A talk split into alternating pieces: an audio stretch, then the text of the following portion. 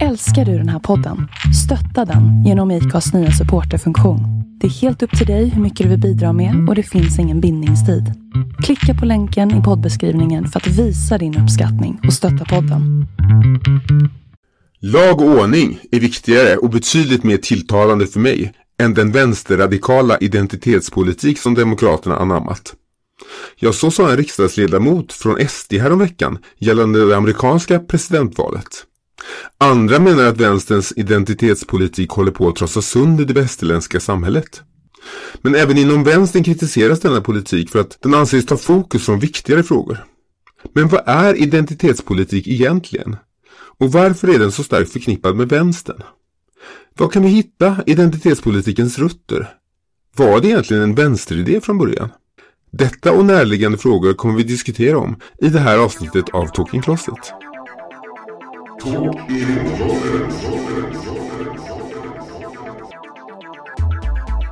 podcast inspelad i en garderob någonstans i Stockholm. Här lyssnar du på intressanta, engagerade samtal och intervjuer i en väl avvägd blandning av oseriöst allvar och ironi och humor. Om du upplever ett plötsligt vredesutbrott och skriker rakt ut under tiden du lyssnar kan det bero på att du missförstått vad som är allvar och vad som är skämt. Eller så har du helt enkelt fel åsikter eller dålig humor. Hej och välkomna till Talking Closet och eh, vårt tredje avsnitt på den andra säsongen. Ja, Och idag ska vi prata om något speciellt, men först ska jag presentera mig. Christer CJ Järvel heter jag. Och med mig har min kollega Patrik Gren. hej hej. Och vad ska vi prata om idag? Ja, idag ska vi prata om eh, identitetspolitik. Ett ämne som är komplicerat. Eh, Man får nysta lite i och vi ska väl göra vårt bästa för att försöka reda i vad det är för någonting. Ett väldigt laddat ämne också. Ett laddat ämne och väldigt aktuellt ämne. Eh, för att eh, identitetspolitiken har ju som vi hörde i ingressen här kritiserats väldigt mycket från högerhåll. Att vänstern har mycket identitetspolitik. Men nu börjar även kritik komma från vänsterhåll. Från, och vem, mot vänsterns. Ja, alltså vänster, inom vänstern själv att man har, har gått in för mycket på identitetspolitiken. Så det, det, är, lite, det är lite grötigt och mycket att reda i och, och så. Och, eh, vill man ställa frågor efter programmet så går det bra att gå in på vår Facebook-sida och göra det och, och så. Om man tycker att vi har missat någonting. Man eller... kan skicka meddelande till oss eh, Ja. på Facebook-sidan eller man kan skriva en kommentar till något av våra inlägg. Ja. Vad är identitetspolitik egentligen?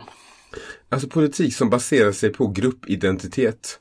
Eh, om man säger vänsterns identitetspolitik handlar ju mycket om att hjälpa förtryckta grupper, minoriteter, att belysa deras situation och stärka deras intressen och ta upp dem till samma nivå när det gäller rättigheter och sådana saker. Ja, alltså man, man identifierar sig med en specifik grupp till Ja. exempel. eh, Man har något gemensamt, Ja. jag menar Identiteter kan ju krocka och, och vara flera olika men att vara svensk är en identitet, att vara svart är en identitet, att Ja. vara HBTQ är en identitet. kvinna skulle man kunna säga Ja. är en identitet också. Eh, och det är inte bara ur, ur jämställdhetssyfte utan det finns ju exempel ute i Europa på, på till exempel vissa muslimska grupper som har eh, velat ha speciell särlagstiftning, alltså sharia-lagstiftning som ska gälla för Bara just dem. muslimer eh, ute i Europa då. Och det är så i England faktiskt. Ja, det är det faktiskt. Konstigt nog, det är absurt. Mm. Eh, men hur kom den här idén, idén om identitetspolitik upp? Uh, var kommer den ifrån och var började det någonstans? Ja, alltså den här moderna identitetspolitiken och begreppet eh, kom upp med medborgarrättsrörelsen i USA på 60-talet. Mhm. Eh, men första gången det närmast i skrift. Eh, det gjordes 1974 eh, i ett manifest som eh, skapades av afroamerikanska gruppen Combahee River Collective. Det var svarta kvinnor tror jag. Ja, det Så, kanske det var. mm. Det låter lite häftigt. Ja, det låter skithäftigt. Och sen har ju det där utvecklats och det har ju blivit väldigt några år sedan så exploderade ju det och blev väldigt så eh, stort inom vänstern och man drev väldigt mycket på det. Och så blev vi kritiserade för det. Och det är väl också för att det är mycket, mycket vänsterpolitiska grupper som har känts en minoritet som, som, Ja. som det har passat ihop. Till exempel feminismen kan ju räknas som en form av identitetspolitik. Eh, HBTQ-rörelsen, medborgarrättsrörelsen som du säger. Och så här. Men, men vad är då syftet? Hur, hur identitetspolitiken, hur är den tänkt att användas och vad vill man uppnå med en sådan här politik? Alltså man vill ju uppnå helt enkelt att ja, belysa eh, förtryckta gruppers situation och eh, även stärka deras situation då genom identitet. Att man får en, om man går ihop och blir kollektivt en grupp så har man ju större kanske förhandlingsutrymme eller man har mer, eh, kan sätta mer press än om du som enskild individ eh, kämpar för Ja, det blir som en kollektiv Ja. rörelse. Så här ser vi också då att det, det passar ganska bra ihop med vänsterns, Ja, eh, vänsterns politik då man länge har jobbat med just alltså, klassfrågor, arbetar, Ja, från arbetarrättsrörelsen som också var en form av, av identitet en gång i tiden och där man kämpade för att stärka den. Ja, från början tycker jag vänster var det var mycket att man också gick ihop. Det fanns en arbetsgivare som var stark, mäktig med pengar och eh, han hade eh, vakter och sådana saker. Alltså det, förr i tiden var det ju faktiskt ganska rått. Om vi går längre tillbaka. Eh, och då att man gick ihop på arbetsplatsen, alla som var arbetarna och skapade fackföreningar så att man hade starkare förhandlingsutrymme med hjälp av det kollektiva. Ja. Så man kan ju förstå varför vänstern har anammat Absolut. det här med identitetspolitik. Men vad vad är det då för grupper, vi har ju pratat lite om det, Mm. Eh, vad är det för grupper som, som i huvudsak nyttjar den här typen av politik? Eh, Det är som du sa, eh, feminism, det är hbtq, det handlar om etnicitet kan det vara, religion, sexuell läggning som sagt är hbtq. Funktionsvariation kan ju också vara en sån sak. Klass. Kan man säga att de har lyckats med någonting? Ja, det är svårt att säga men med hbtq-rörelsen har ju lyckats väldigt bra i varje fall. Ja, de har ju fått nått mycket politiska framgångar, även Senaste. feminismen. Har gjort Ja, det. det har man gjort faktiskt. Och även medborgarrättsrörelsen, även om vi ser att det fortfarande Det finns en backlash just nu men det har Ja. gått framåt. som det har ju gått framåt sedan 60-talet i Ja, varje gud, fall. ja. Och blivit bättre, även om det finns mycket kvar. Det var ju rena apartheid nästan i vissa delstater. Ja, det var det va? Ja, de fick ju inte sitta på samma... Bussar och sånt. Nej, och fick lämna plats. Det var ju det som hände att hon... Rosa Parks hette hon va? Ja. Hon vägrade ge upp sin plats för att de skulle ge upp platsen om det kom en bit och det inte fanns platser kvar. Hon vägrade göra det. Och det blev ju värsta kalabaliken. ja. ja som sagt, det, det har varit framgångsrikt men det är också på speciellt senare tid har det börjat slå tillbaka. Att det har blivit backlash. Eh, för, dels för att det har blivit så extremt antar jag och för att det har mer och mer sönderdelats. Så vad skulle du säga, vilken kritik riktas idag mot eh, identitetspolitiken och vilka problem finns det med den? Ja, ett problem är ju att den förutsätter att alla i en viss grupp har ett gemensamt mål och har tolkat ett förtryck på samma sätt och därför har någonting gemensamt i att försöka eh, stoppa det här förtrycket. Och det kan ju stämma till viss del. Men vad man märker till exempel i feminismen är ju att alla kvinnor är ju inte likadana och tycker inte likadant och har inte samma mål. Så feminismen har ju splittrats upp i en mängd olika feminismer. Alltså du har borgerlig feminism, du har queerfeminism, du har radikalfeminism och, och på massa olika på det politiska spektrat som ofta inte är överens inbördes. Eh, och det kan vi även se då med hbtq-rörelsen. Det hör ju på själva namnet hbtq. Först pratade man bara om, om homosexuella och sen så ville man bredda det och då blev det fler grupper och sen blev det HBT och, sen blev det. HBTQ, sen blev det HBTQIA och det blir fler och fler grupper. Och Hela idag har vi hela, ja, hela transrörelsen har vi idag också. Eh, och de är inte heller att det, det blir en splittring och Ja men säg så här, björnar har också en slags egen flagga och sådana saker. Ja, björnar det är alltså Och de är ju- gaymän som är lite större. Ja, som gillar lite läder, lite rå, alltså Ja. hårigt och sådär. Men grejen är ju att eh, de är ju homosexuella, men de ner, alltså, delat in sig ytterligare en mindre grupp. Ja. Så att det, det är lätt att det fragmenteras faktiskt. Ja men det är ju det det gör och, och då blir det ofta att de här grupperna börjar slåss inbördes istället med varandra och bråka om att man missar kanske den stora poängen med att det finns större hot ute i samhället mot hela rörelsen om man istället sitter och bråkar inbördes om, om vad som kanske på ur stort perspektiv är ganska oviktiga saker i, i, i, det syftet. En, en, annan, en annan kritik som också riktas mot den det är ju att när du gör politik utifrån en viss grupp så stärker du också skillnaden mellan oss och dem. Eh, alltså- man blir någonting annat. Man Ja, någon- man, man, man lyfter fram sig själv som något annat. Du bygger snarare en mur mellan dig själv och andra grupper Mm, snarare sant. än att bygga broar mellan olika grupper. Men något jag har tänkt på också är det här att okej, ja men ni är bögar så ni måste ha, nu måste ni, eh, ni ska umgås och ni ska tycka att eh, ert sällskap är jättebra. Men jag menar så, det kan vara så här att jag tycker historia är jätteintressant. Och det kanske finns heterosnubbar som har jätteintresserade av historia och vi har jättemycket gemensamt. Och jag kanske inte har något gemensamt alls med två bögar som sitter och pratar smink. Alltså, Nej, nej, och det är också det så- att vi, vi, vi har ju flera identiteter. Alltså Ja. vi är ju inte bara eh, kvinnor eller bara homosexuella eller bara mörkhyade eller rasifierade utan vi är ju en massa olika saker. Mm.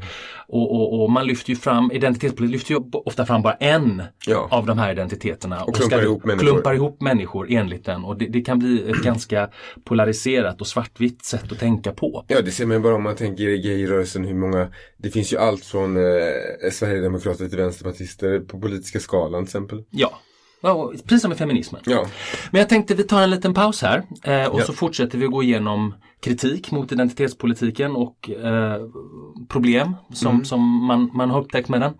vi har ett litet meddelande från våra, en av våra sponsorer. Just det. Reklam. Idag sker stöld av identiteter dagligen på internet. Har du skyddat din identitet från att användas av brottslingar och annat pack? Inte det? Nej. Då har vi lösningen för dig som vill känna dig trygg i din identitet.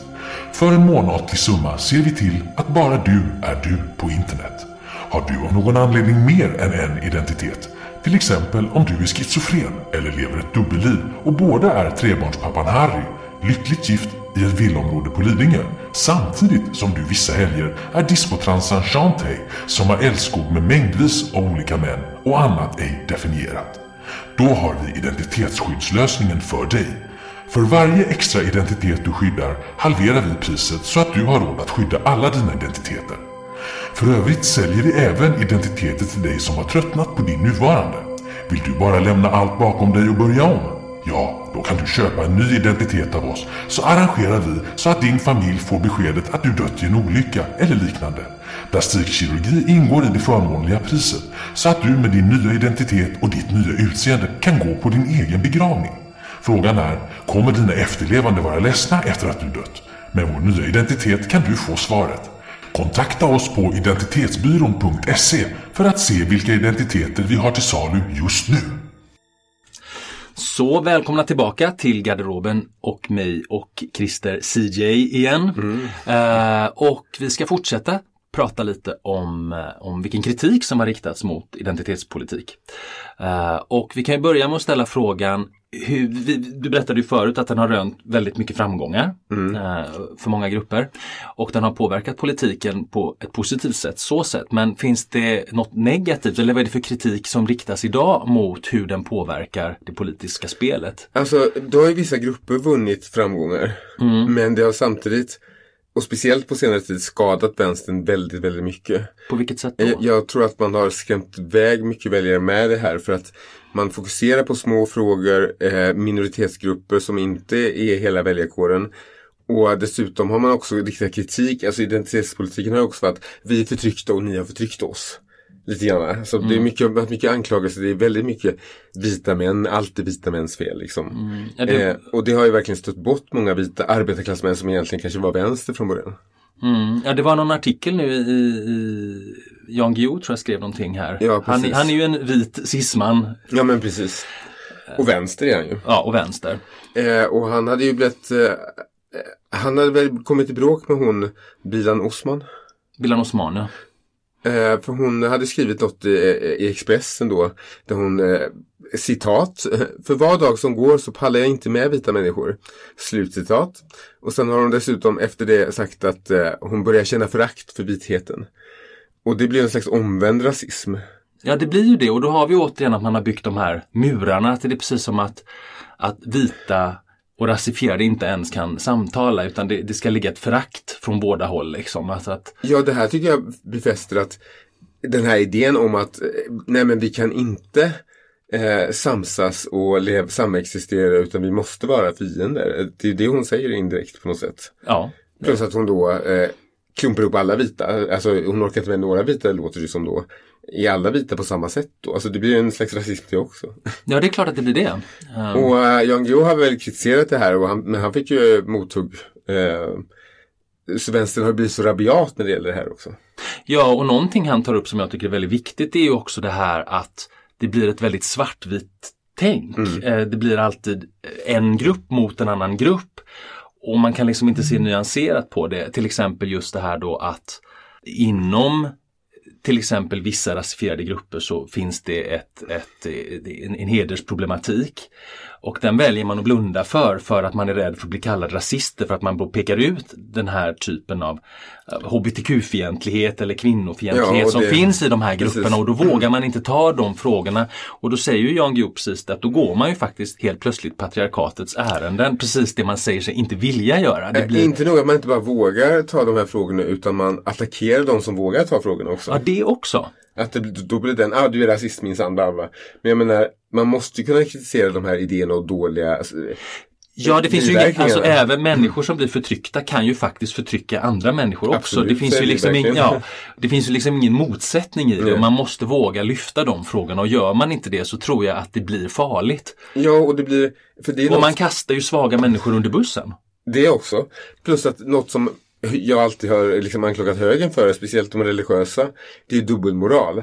Och här är vänstern har plötsligt blivit dubbelmoralisk för en av de första gångerna typ att man verkligen Ja, kvinnor är jätteviktiga, hbtq, man måste försvara minst eh, knappt röra en kvinna utan att det är liksom metoo.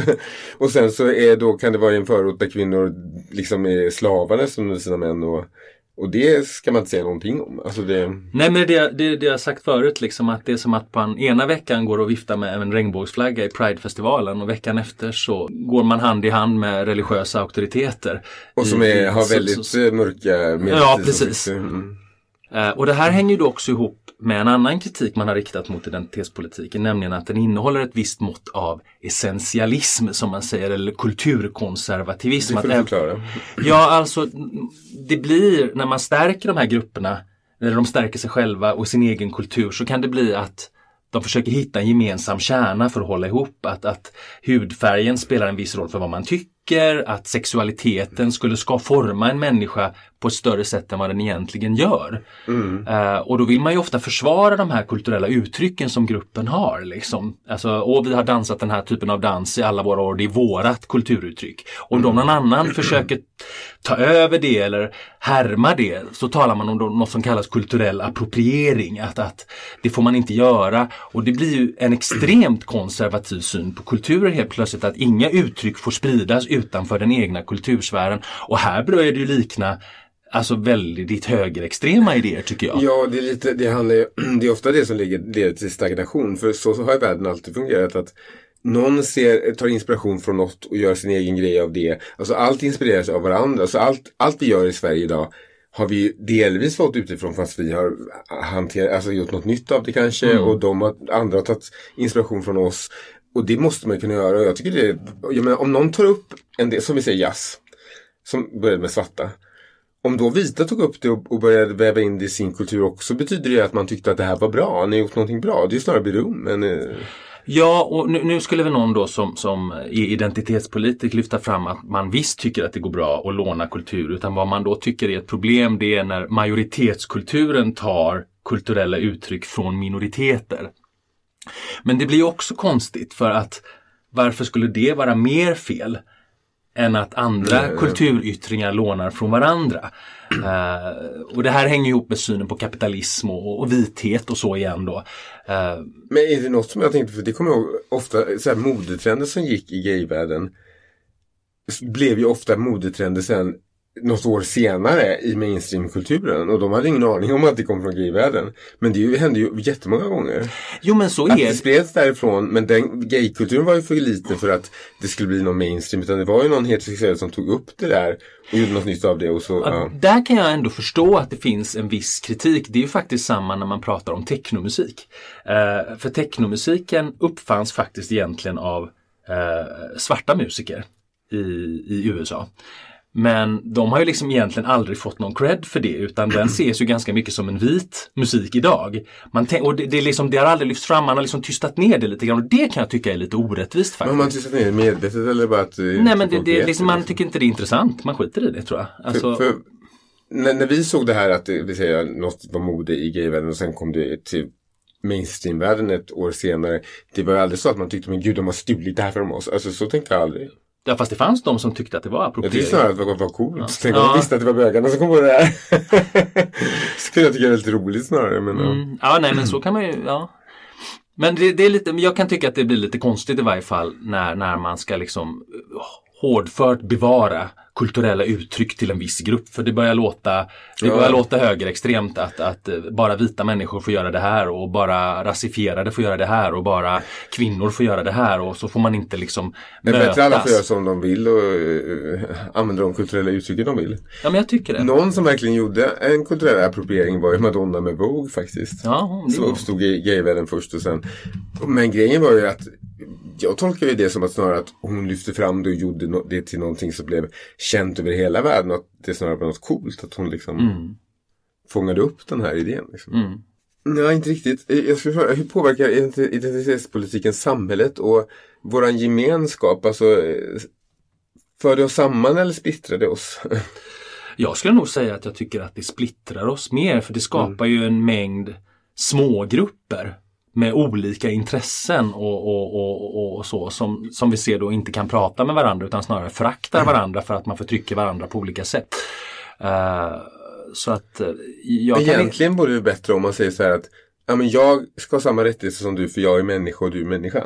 Ja. Att jag ska ha samma rättigheter som du för att jag är svart eller bög eller vad, alltså, du? Ja, Eh, så egentligen borde det, det tänket leda till bättre gemenskap, att man inte splittrar upp sig så mycket. Ja. Sen kan jag ju förstå poängen med att det är lättare att få gehör när man är i en grupp. Alltså det, jag kan tycka att det finns en viss poäng med att gå samman i en grupp. Men det blir farligt när det går för långt och det börjar få, man börjar få essentialistiska tankar kring det. Att vi har det här och ingen annan får göra detta och där man liksom börjar se andra med, med fiendeglasögon och så här. Ja, Eh, återigen det här med att anklaga vita och det här att ni gjorde det här i, i tusen år. Men jag menar, den som lever idag var inte med och gjorde det för tusen år sedan. Utan, eh, det, nej, det finns blir som någon form av någon, arvsynd här. Som Ja, alltså, och det kan man inte, det gör vi inte på andra sätt. Om min pappa begår ett brott så, så kommer inte de slänga mig i fängelse. Alltså det är ganska bra att det inte är så. Mm, absolut. Men i det här sammanhanget är det mycket så här att Ja, för 300 år sedan då minsann liksom, så ni måste, nu ska ni be om avbön fast det var inte ni som gjorde det här. Alltså, Nej. Sen kan man, sen kan man till, till som försvar, återigen om vi ska vända lite på det, tänka att det finns ju fortfarande en strukturell rasism och en strukturell orättvisa mot vissa grupper i samhället. Eh, och Absolut. det, det, det, identitetspolitiken är ju egentligen till för att avhjälpa det här, men frågan är, gör det verkligen det? Ja men också, det, även om det finns det här strukturella så är det ingen som har kommit på det. Så att eh, om vi säger en vit cisman.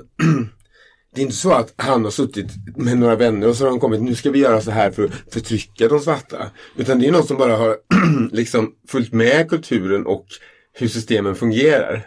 Mm. Så det är inte så att någon illvilligt har suttit och tänkt igenom att nu ska vi minsann hålla dem på mattan. Alltså, Nej. utan det där följer ju med per automatik lite grann. Mm. Så att det är svårt att anklaga någon för det. Mm. Ja men det är det. Däremot borde ju, det är många som vägrar ens tillstå att det skulle finnas någon strukturell som tycker inte alls, alltså, eh, Alexander Bard är väl en sån faktiskt. Ja, han, det är, man kan ju säga att motsatsen till identitetspolitik är ju just den här liberala idén om att, att eh, var och en strävar för, sin e för sitt eget bästa hela tiden. Och då, då finns det ju liksom inga strukturella förtryck längre och det är väl lite den ställningen han intar tror jag. Och det är ju också fel tycker jag. För att Ja, det- skulle nog säga att det finns ett strukturellt förtryck mot kvinnor, mot homosexuella, eh, mot transpersoner, mot, mot rasifierade, definitivt. Och det betyder inte att de här människorna är rasister. För ofta är det sånt här som sker undermedvetet. Mm. Till exempel när jag åker med min kubanska kompis genom Europa och varje gång vid varje tull så är det alltid honom de tar in. Fast ingen av oss har med oss någonting olagligt. Men det är alltid han. Och det måste, jag, kan inte se något annat än han är mörk. Alltså, Nej. Faktiskt. Och, och det, men jag tror inte att det är medvetet. Det bara sker. Alltså, det, jag tror inte de tänker så, ha där är en svart, nu ska vi minsann. Utan det bara sker. Mm. Eh, och grejen är att där borde fler vita tänka igenom det här och kanske fundera på är jag bara blind för det? För när man inte har, när man har strukturell fördel så tror jag inte man märker det. Man inser Nej, man, man, har man, man, man förstår Det bara Man, finns man, där, liksom. Det kallas för, för ett blint privilegium, att man Ja. är blind för sina egna privilegier. Liksom. Så, Och men, det ligger eh, nog någonting i det, absolut. Eh, Det är känsligt också för många blir ju arga när de säger att de, eh, jag har minsann inga privilegier. För att du kan ju naturligtvis vara en vit man som är född eh, i en fattig familj och har haft jättetufft och liksom inte har fått några fördelar alls i ditt liv.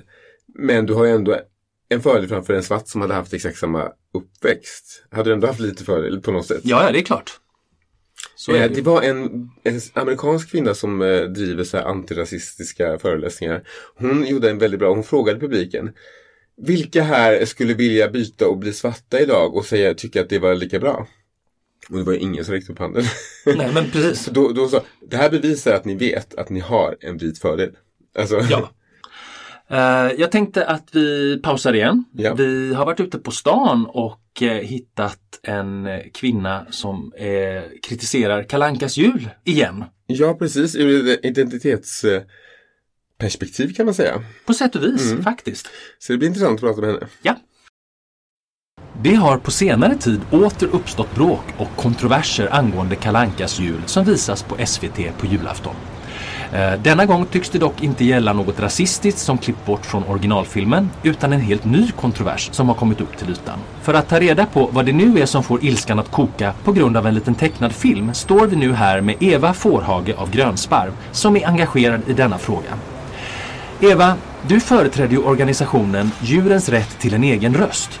Vad är det ni vill uppnå och vad är det med Kalle Ankas jul som får er att se rött? Är inte det självklart? Minoriteter har rätt att representera sig själva på bild och i ljud.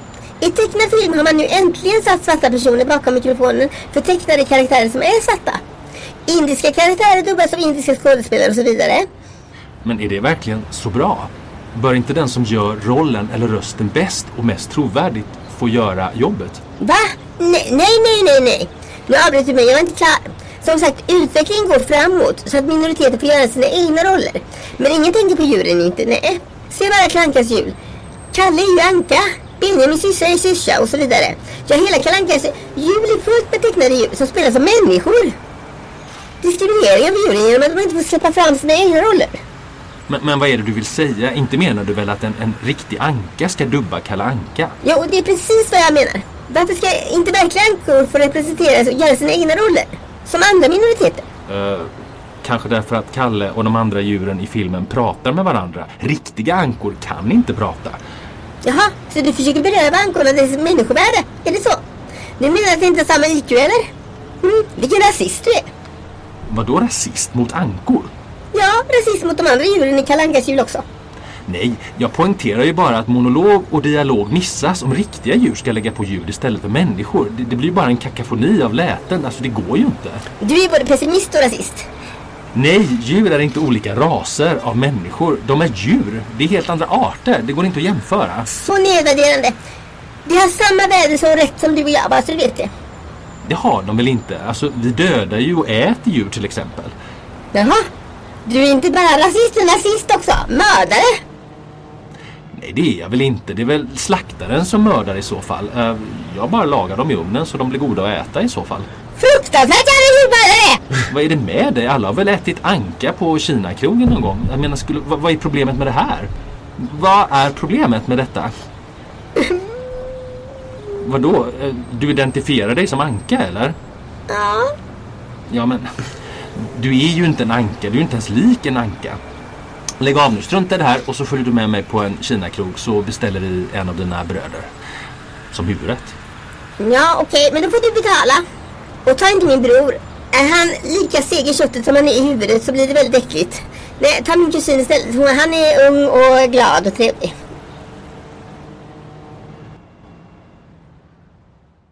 Okej, välkommen tillbaks till garderoben igen. Ja. Vi pratar identitetspolitik idag och vi har tittat på fördelarna med identitetspolitik. Ja, Eh, eller vad, vad man vill använda dem till. Eller ja, den till. vad den har för syfte. Men vi har också tittat på kritiken. Och nackdelarna, vad den har orsakats för skador.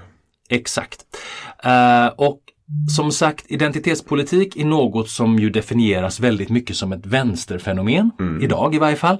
Men är det verkligen så? Eh, kan man säga att högern driver någon form av identitetspolitik också? Det här är väldigt intressant för att ja, det gör de. Speciellt extrema högern. Men de använder ju inte uttrycket. De, de, de kallar ju inte det identitetspolitik. Men eh, white eh, supremacists eller liksom nationalism och sådana saker är ju Vit, en... vit nationalism, ja. Ja.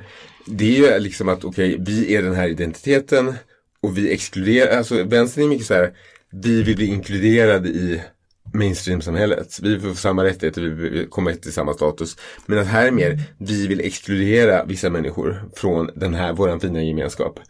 De som inte passar in, de som inte ska vara här typ. Alltså, så det är en mer negativ form Ja, ja, extremhögern är ju också väldigt fixerade vid identitet, gemensam Ja. språk, gemensam kultur, hela nationalismen.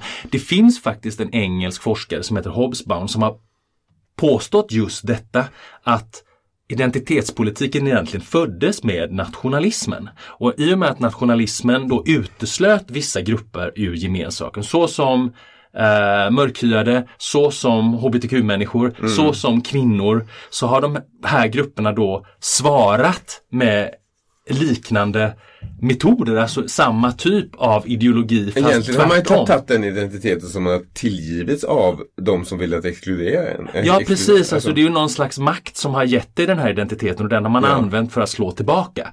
Eh, man har samlats under den rasismens kategorier för att slå Mm. tillbaks rasismen på sätt och vis. Eh, och på så sätt kan man ju nästan säga att identitetspolitiken är, är nationalismens snoriga barnungar. Ja men precis och jag tänker nazismen var ju verkligen det för att Okej, Tyskland var ju visserligen det område som Hitler då skulle gynna men han, han pratade också om arierna som in, inkluderade vissa andra eh, människor från andra länder som inte var tyskar, inte hade tyskt språk.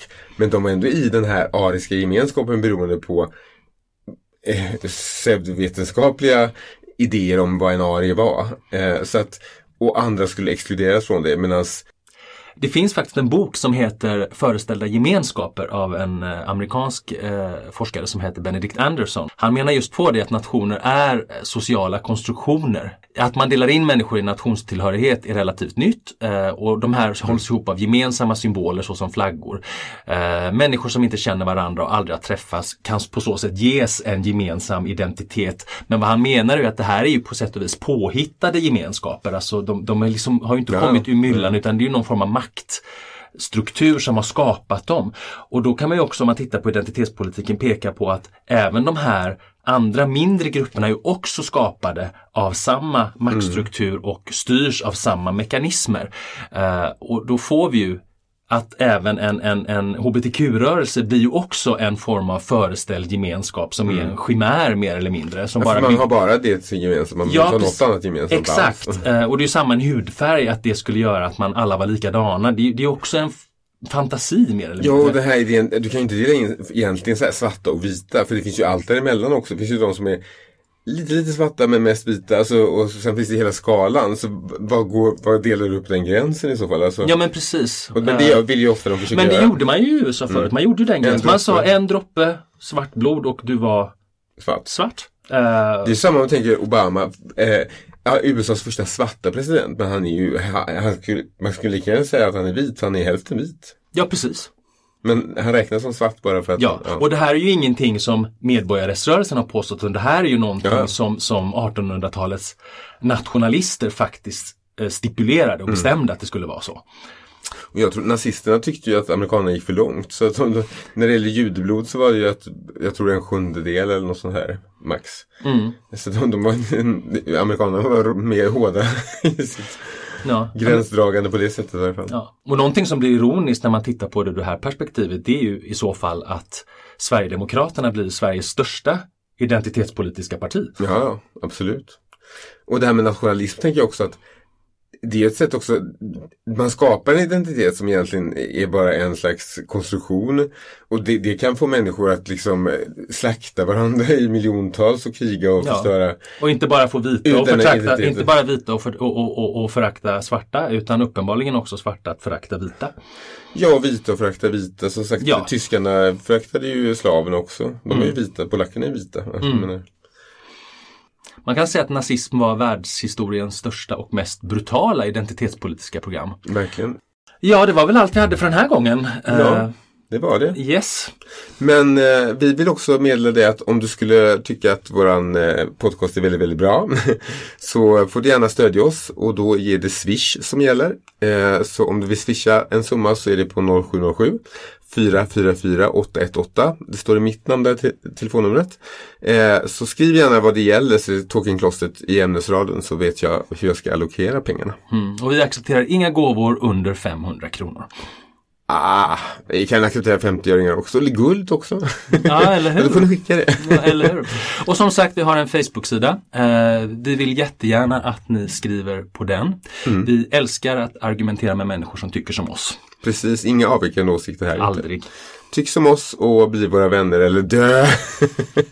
eh, och um, det går att skriva meddelande på Facebook-sidan men det går också att kommentera våra inlägg när vi gör inlägg. Ja. Och sprid den här podcasten bland dina vänner. Ja, dela Ja. nu.